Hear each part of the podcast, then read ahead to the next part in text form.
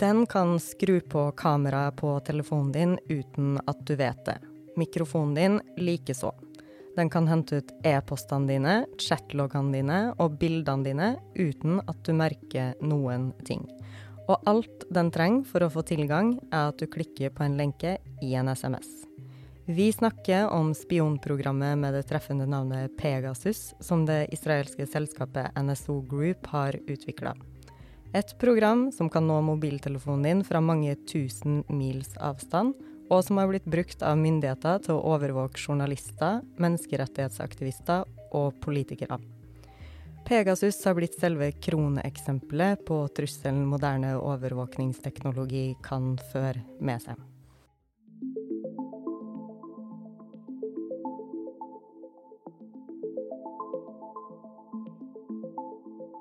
Som du kanskje har skjønt, er det overvåkningsteknologi som står på plakaten hos oss i Utenrikshospitalet i dag.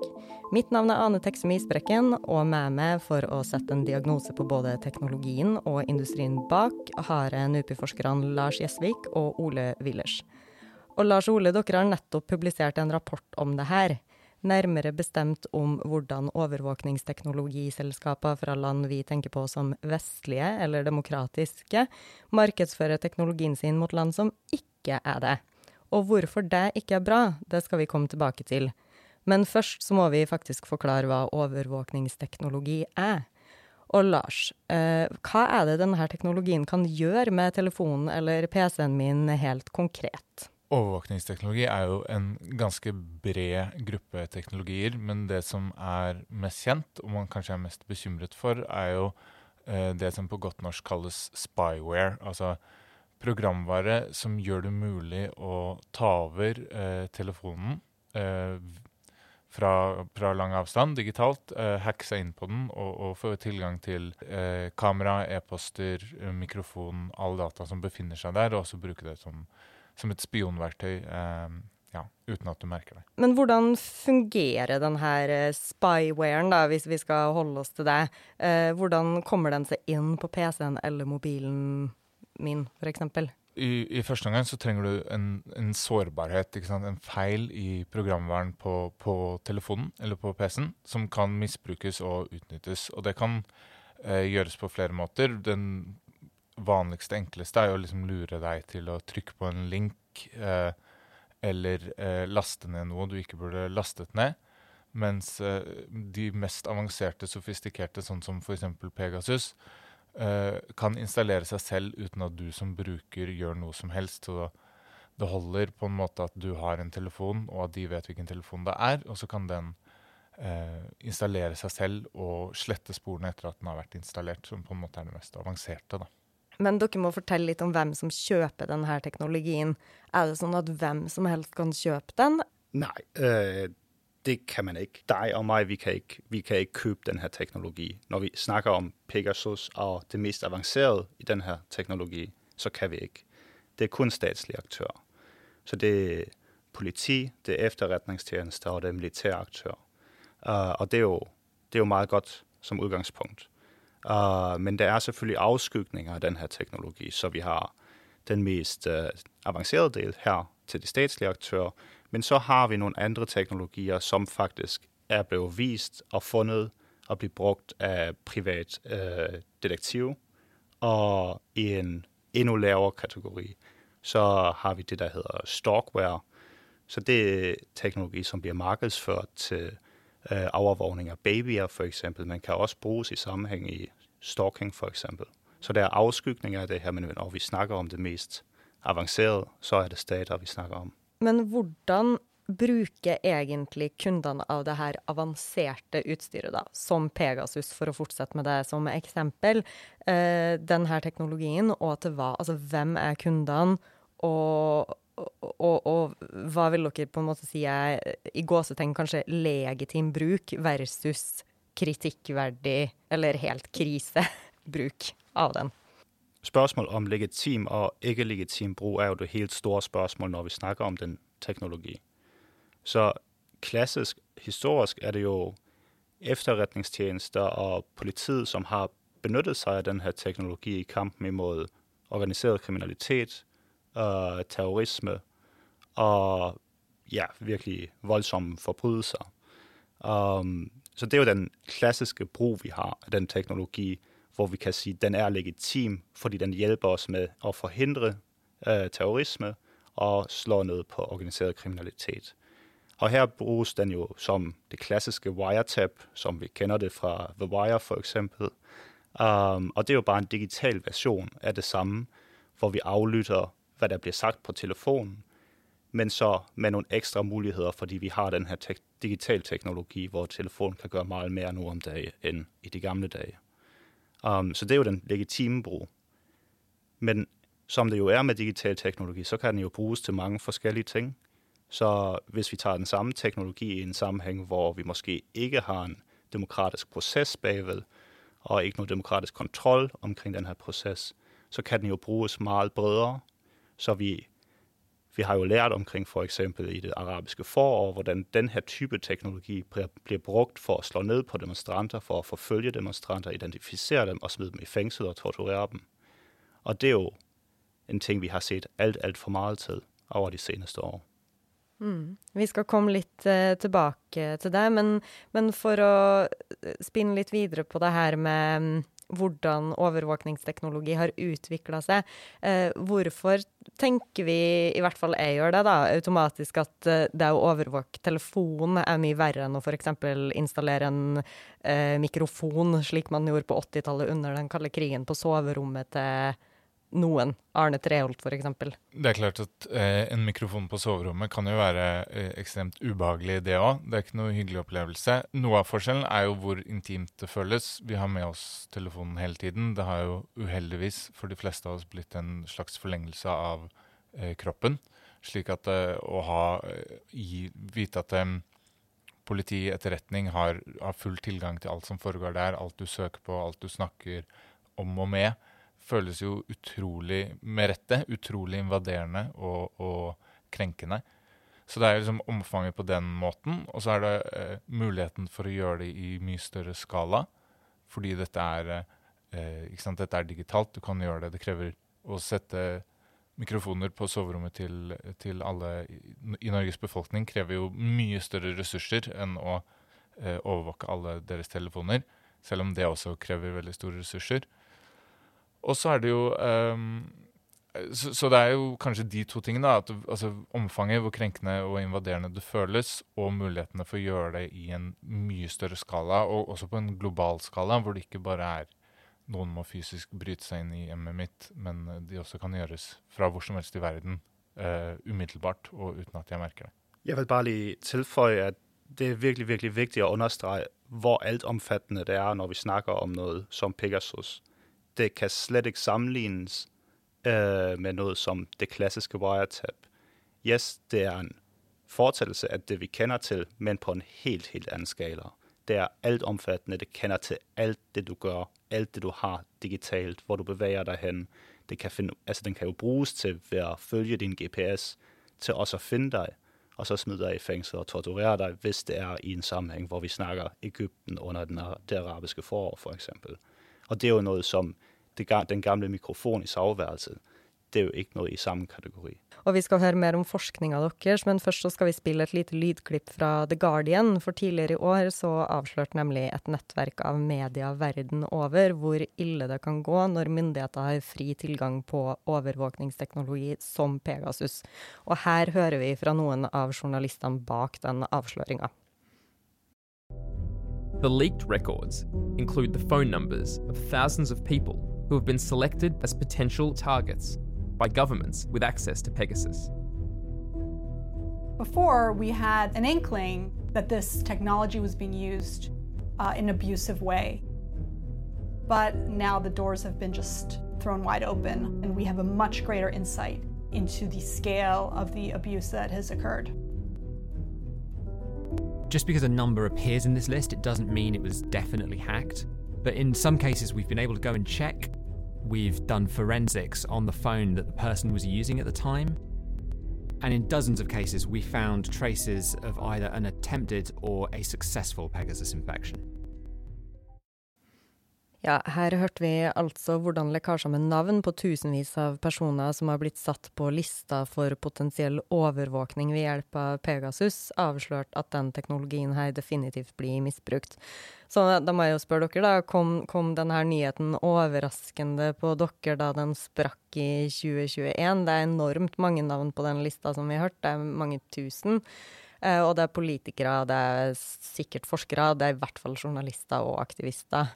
Det, det kortsvaret er jo nei. Um, og det er jo både fordi jeg og Ole har fulgt med på denne industrien over lang tid, uh, og vet at det har kommet en, en, rekke lekkasjer, og det har vært på en måte en jevn strøm av, av lekkasjer og rapporter som, som, avslører hva denne industrien holder på med. Og så har det også med at vi har jo jobbet med denne uh, selv i et par år nå, og samle informasjon og, og gjøre selvstendig forskning på den overvåkningsindustrien. Så sånn sett var det ikke overraskende å bare få bekreftet det alle på en måte visste at de holdt på med, men som ikke var, um, var så entydig bevisst. Bare Nå var jo de mange tusen listene, man vet jo navnene på den lista, man vet jo ikke eh, Mest sannsynlig så har ikke alle disse vært eh, mål som har blitt gjennomført, men det sier jo noe om altså, hva slags type navn som er på den lista, sier noe om hva slags type personer som er interessante da, for kundene til NSO. Men du, du sier at dere ble ikke overraska for at dere jobber jo med det, ikke sant? Men hva er inntrykket deres av folk flest, da, for å bruke det begrepet? Er folk flest for naive når man i, Hvordan man tenker om overvåkningsteknologi og spionvare? Det, har jo vært en, det er en industri som har operert mye i skyggene, så det lite, har vært lite kunnskap og innsikt utover eh, ganske sånn smale miljøer som har vært interessert i dette. Så har konsekvensene har vært eh, størst i andre deler av verden. F.eks. arabiske våren, som var eh, kanskje det beste eksempelet på hvordan dette kan misbrukes. Så det er lett å tenke at det er noe som foregår et annet sted, og som ikke har så store eh, konsekvenser for oss. Og så tror jeg også det har vært um, litt sånn man har vært litt bakpå fra politisk side, som gjør at man verken fra, fra politikere, fra media generelt, utover på en måte nisjemiljøer og, og utover noen sånne organisasjoner som Amnesty og Citizen Lab, som har hatt stort fokus på det, så har de vært lite fokus på den industrien, og den har fått lov til å operere veldig i skyggene. Så, så det tror jeg absolutt at, um, at den har fått for lite oppmerksomhet i ganske lang tid. Eh, NSO Group, som vi nå vet at står bak Pegasus, må jo ha tillatelse fra det israelske forsvarsdepartementet faktisk før de kan gi kunder Pegasus-lisens. Ikke minst så gjelder jo det til Saudi-Arabia. Og vi skal høre en av toppene i NSO Group. Her er han på 60 Minutes sist november, hvor han blir spurt av journalistlegende Leslie Stahl om han kan si at NSO Group ikke ikke har solgt Pegasus til land som er kjent for menneskerettighetsbrudd og å fengsle journalister og gå etter aktivister. Why would the government of Israel want, you know, what seems to be an enemy um, to have this technology? I'm, I'm not going to talk about specific customer. But uh, can, can you say that you won't and haven't sold Pegasus to a country that is known to violate human rights and imprison journalists and go after activists. I only say that we are selling Pegasus in order to prevent crime and terror.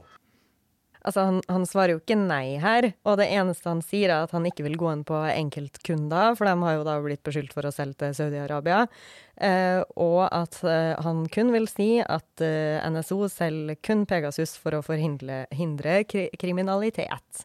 Eh, hva tenker, har dere noen tanker om det? Jamen, narrativet er jo at det her blir brukt i kampen mot kriminalitet. Men øh, forståelsen af, hvad kriminalitet er, er meget forskellig i forskellige lande. I Saudi-Arabia en helt anden forståelse end det her i Vesten, i Europa og de fleste lande. Um, så hvis vi bare siger, at vi accepterer, hvad definitionen på kriminalitet er i en given kontekst, og så sælger vi der, og så kan de bruge den her teknologi til at retsforfølge folk uh, for for eksempel at kritisere en konge, eller for at være homoseksuel, eller for at gå efter, uh, organisere imod øh, øh, det dominerende regime, så er det jo et kjempeproblem. Så det kan man ikke uh, bare gemme seg bak. Man sier jo at man, man, selger mot kriminalitet og terror, men så vet man jo også at det også ikke er tilfellet. Nå kom det i, um, i desember 2021 så kom det en uh, reportasje om at NSO Pegasus bl.a. hadde blitt brukt til å spionere på uh, ansatte i det amerikanske utenriksdepartementet. Og man vet jo at denne typen teknologi også blir brukt eh, geopolitisk, strategisk, for etterretning, eh, etterretningsformål. Så det å si at det, man selger det for kriminalitet og terrorisme, det er både et problem fordi ja, hva er kriminalitet og terrorisme, men det er også et problem fordi det er ikke sant. Det brukes også til mange andre formål. Og nå har vi jo på en måte beveget oss litt inn på det som dere to har un undersøkt. For dere har sett på materiale fra flere sånne messer. Altså Man kjenner jo til våpenmesser, men det her er på en måte, jeg vet ikke om det blir riktig å si digitale våpenmesser, på en måte. Eh, og kan ikke du, Ole, fortelle litt kort om hva dere har funnet ut, og hvordan dere har kommet frem til de funnene? Det vi har gjort, er jo å prøve å se på den store industri, ikke bare se på NSO ikke bare se på Circles eller Hacking Team eller noen av de andre virksomheter, men prøver å se hvordan det her er et marked, uh, og hvordan det er en industri hvor virkelig mange aktører kommer sammen. Og det er jo de der messer, som du sier. Um, og det er jo konferanser uh, som uh, tiltrekker riktig mange av de her virksomheter der opererer i den, den arena her. Um, så vi er gået tilbage til, til en konference, som er meget kendt. Den hedder ISS World. Det er Intelligence Support Systems, som det står for. Og det er rigtig meget de her virksomheder. Det er opstået efter øh, 9-11 i USA. Og det er så rigtig mange amerikanske og europæiske virksomheder i starten, der har været der. Og så har, det, har vi ligesom fulgt, hvordan det har spredt sig ud og hvordan flere og flere av de her virksomheder der i starten har lavet det her arbeidet for politi og efterretningstjeneste, øh, i stigende grad er gått inn og har øh, markedsført deres produkter i øh, de der mer klassiske øh, våpenkonferanser. Og dere, altså dere har jo sett på også hvordan de Uh, selskapene markedsfører seg mot land som er udemokratiske, eller jeg vet ikke om det blir riktig å si konflikt med Vesten i bred forstand. Uh, Lars, kan du si litt om det? Altså det, er, um, det vi så på, var jo hvilke selskaper som, som markedsfører seg i Russland og Kina spesifikt. Og det er jo de største og viktigste våpenmessene er i Europa og i den vestlige vestlige verden. Og der er det jo også sånn at eh, land fra hele verden kommer, og eh, man har eh, man, man, er villig til å selge eller ta imot på en måte eh, regimer man ikke er helt trygge på der òg. Men eh, da har man kanskje i hvert fall en viss form for kontroll, eller i hvert fall en mulighet for kontroll. Men de selskapene som, som aktivt markedsfører i Russland og Kina, da, da går man eh, på en måte utenfor det vestlige alliansesamarbeidet og markedsføre land hvor man, man vet jo at uh, det russiske overvåkningsregimet er ganske stramt, og at det kinesiske er både veldig omfattende og, og, misbrukes. Så om man er villig til å på en måte selge til disse landene, så er man både villig til å uh, bygge opp kapasiteter i land som vi kanskje uh, ser på som, som mer problematiske fra et sånn geopolitisk perspektiv, men også land som man vet at de misbruker denne teknologien. I starten, da vi begynte å bruke denne teknologi, dvs. Si i starten av nullene 2000 um, og etter 9-11, der var det jo riktig mye innenfor et paradigme der het 'nobody but us'. Det var kun oss der skulle ha adgang til de her teknologier. Det vi ser helt klart i denne rapport, er at det gikk faktisk meget, meget hurtigt, at det her marked har ekspanderet ud til uh, Mellemøsten, til Sydøstasien, uh, og så også til Latinamerika og til Afrika i et stykke tid. Um, så det der var Nobody But Us, det er jo det vi kaller for pay to play. Så man betaler for, for å være med. Hvis du har dype lommer, så kan du være med i det her. Så kan du bruke det her. Og det har ikke rigtig vært noen begrensning for hvem der kunne kjøpe Um, så det er et meget globalt marked nå. Og blant de globale um, øh, købere av denne teknologi, der er det jo riktig mange lande, lande der er problematisk. Så det har vi jo sett mange eksempler på. Så faktisk når vi taler om vores ISS World-konferanse, så er det kun tre land der ikke må være med. Mm, og ISS World det er en sånn, nettopp en sånn messe, ikke sant? Det er, det er præcis den store messe, som vi har sett på i starten. Det er den, vi kaller for, eller den ofte blir kalt uh, The Wiretappers Ball. Så det er der, hvor The Wiretappers kommer hen for å danse med industrien. Um, og det er tre lande, der ikke må være med, og det er Iran, og det er Syrien, og det er Nordkorea. Og så kan vi jo selv gå igennem listen av lande, der er tilbake, og se på, hvem der er gode, og hvem der måske er mindre eh, demokratiske der. For å få et helt klart bilde av, av det, da, hva slags følger vil dere si at det kan ha for demokratisering i verden eh, at eh, denne teknologien faller i hendene på f.eks. Saudi-Arabia eller alle land unntatt de tre som Ole nevnte nå? Det har flere konsekvenser. Det første er jo konsekvensene i Saudi-Arabia for mulighetene for å ha demokrati, ytringsfrihet, menneskerettigheter. Man gir et veldig kraftig verktøy i hendene på en stat som eh, ikke bryr seg om, menneskerettigheter, og vipper på en måte den maktbalansen enda mer i favør av diktatorer og, og regimene. Så er det også um, en risiko for at dette kan komme tilbake og, og skade oss, sånn som når det amerikanske utenriksdepartementet blir uh, et mål. Det også, kan også få konsekvenser for um, innbyggere i, vestlige land. Det kan bli et sikkerhetsproblem som vi må håndtere i framtiden. Og så har man den tredje dimensjonen, som, som, gjør det ekstra komplisert og vanskelig, som er at det, når man begynner å se de sikkerhetsutfordringene, når man begynner å se at dette er et problem eh, for demokratier over hele verden, og det er også et problem for våre samfunn, har man da mistet muligheten til å kontrollere det, fordi dette er blitt et globalt marked som man eh, ikke lenger har, har, den samme formen for kontroll over som man kanskje en gang hadde. Da er jo det naturlige oppfølgingsspørsmålet her hvem er det som passer på de selskapene her, da? Er det noen som passer på dem i det hele tatt? At de ikke får lov til å gjøre akkurat som de vil? Jamen, i lang tid var det jo meget uformelt. Det var tette bånd mellom mange av de her virksomheter og etterretningstjeneste i deres hjemland. Så vi ser f.eks. med NSO, hvis vi vil ta det eksempelet igjen, så ser vi jo at dem der har grunnlagt NSO, det er jo noen der har arbeidet for det der svarer til uh, The National Security Agency av Israel. Så det er noe der heter Unit 8200. Og det er dem der sitter i efterretning, efterretningstjenesten i Israel som arbeider med de her ting inne i landet. Og så er det riktig mange av dem der kommer ut, og de grunnlegger noen uh, virksomheter som arbeider på de her områder. Det er ikke bare i Israel, det ser vi også i Tyskland, det ser vi i Frankrike, det ser vi i Sveits og i mange andre land. Uh, så det var jo meget uformelt, at der var et sammenspill mellom uh, efterretningstjenesten og virksomheden i starten, for efterretningstjenesten måske kunne si til de folk bag lukket dør, her må I gerne, her må I ikke. Men efterhånden er der jo kommet noen regler.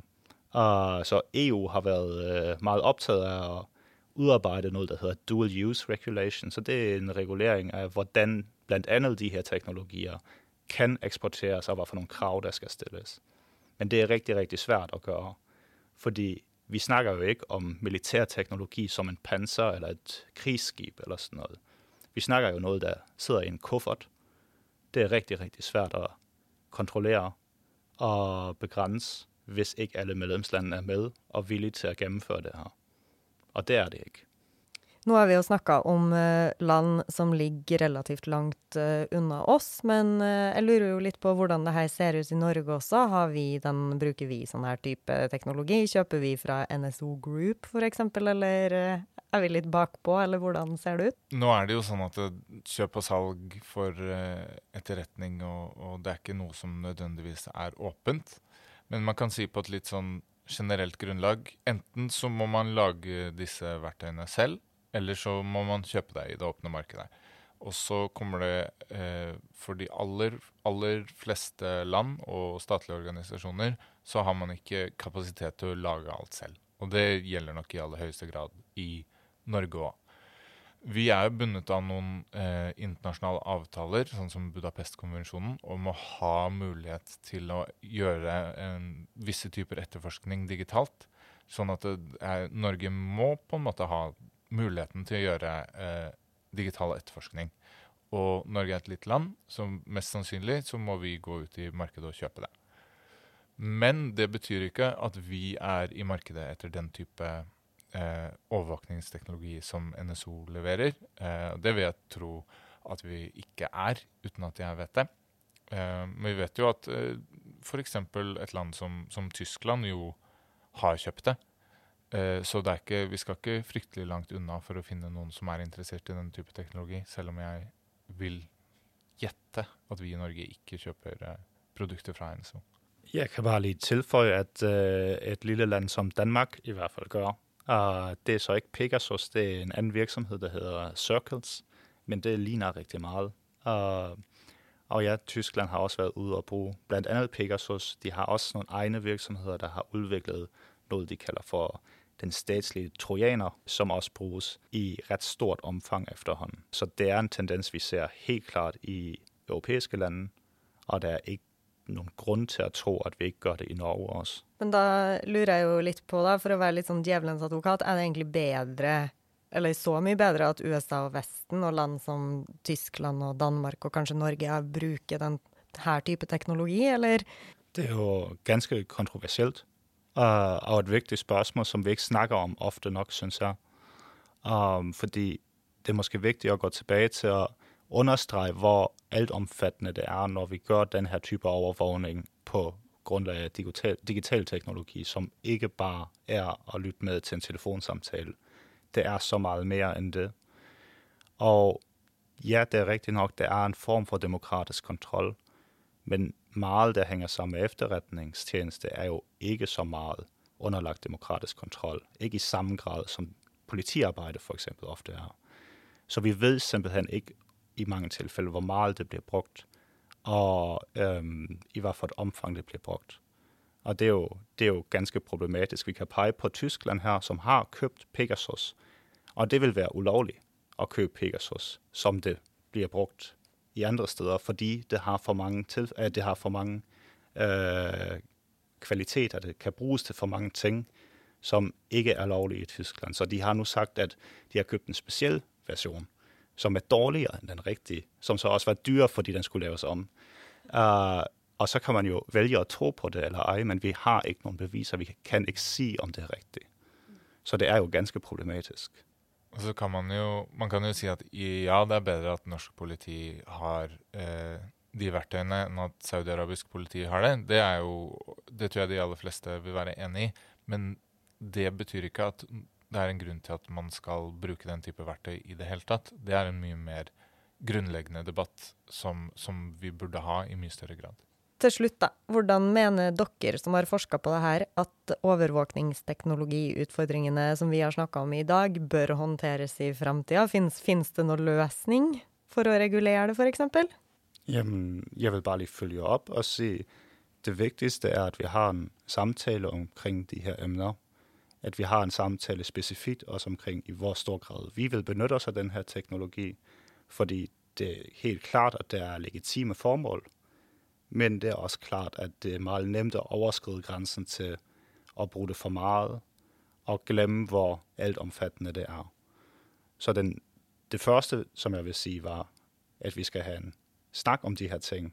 Og det skal ikke være en snakk der bak lukket dør i efterretningstjenesten.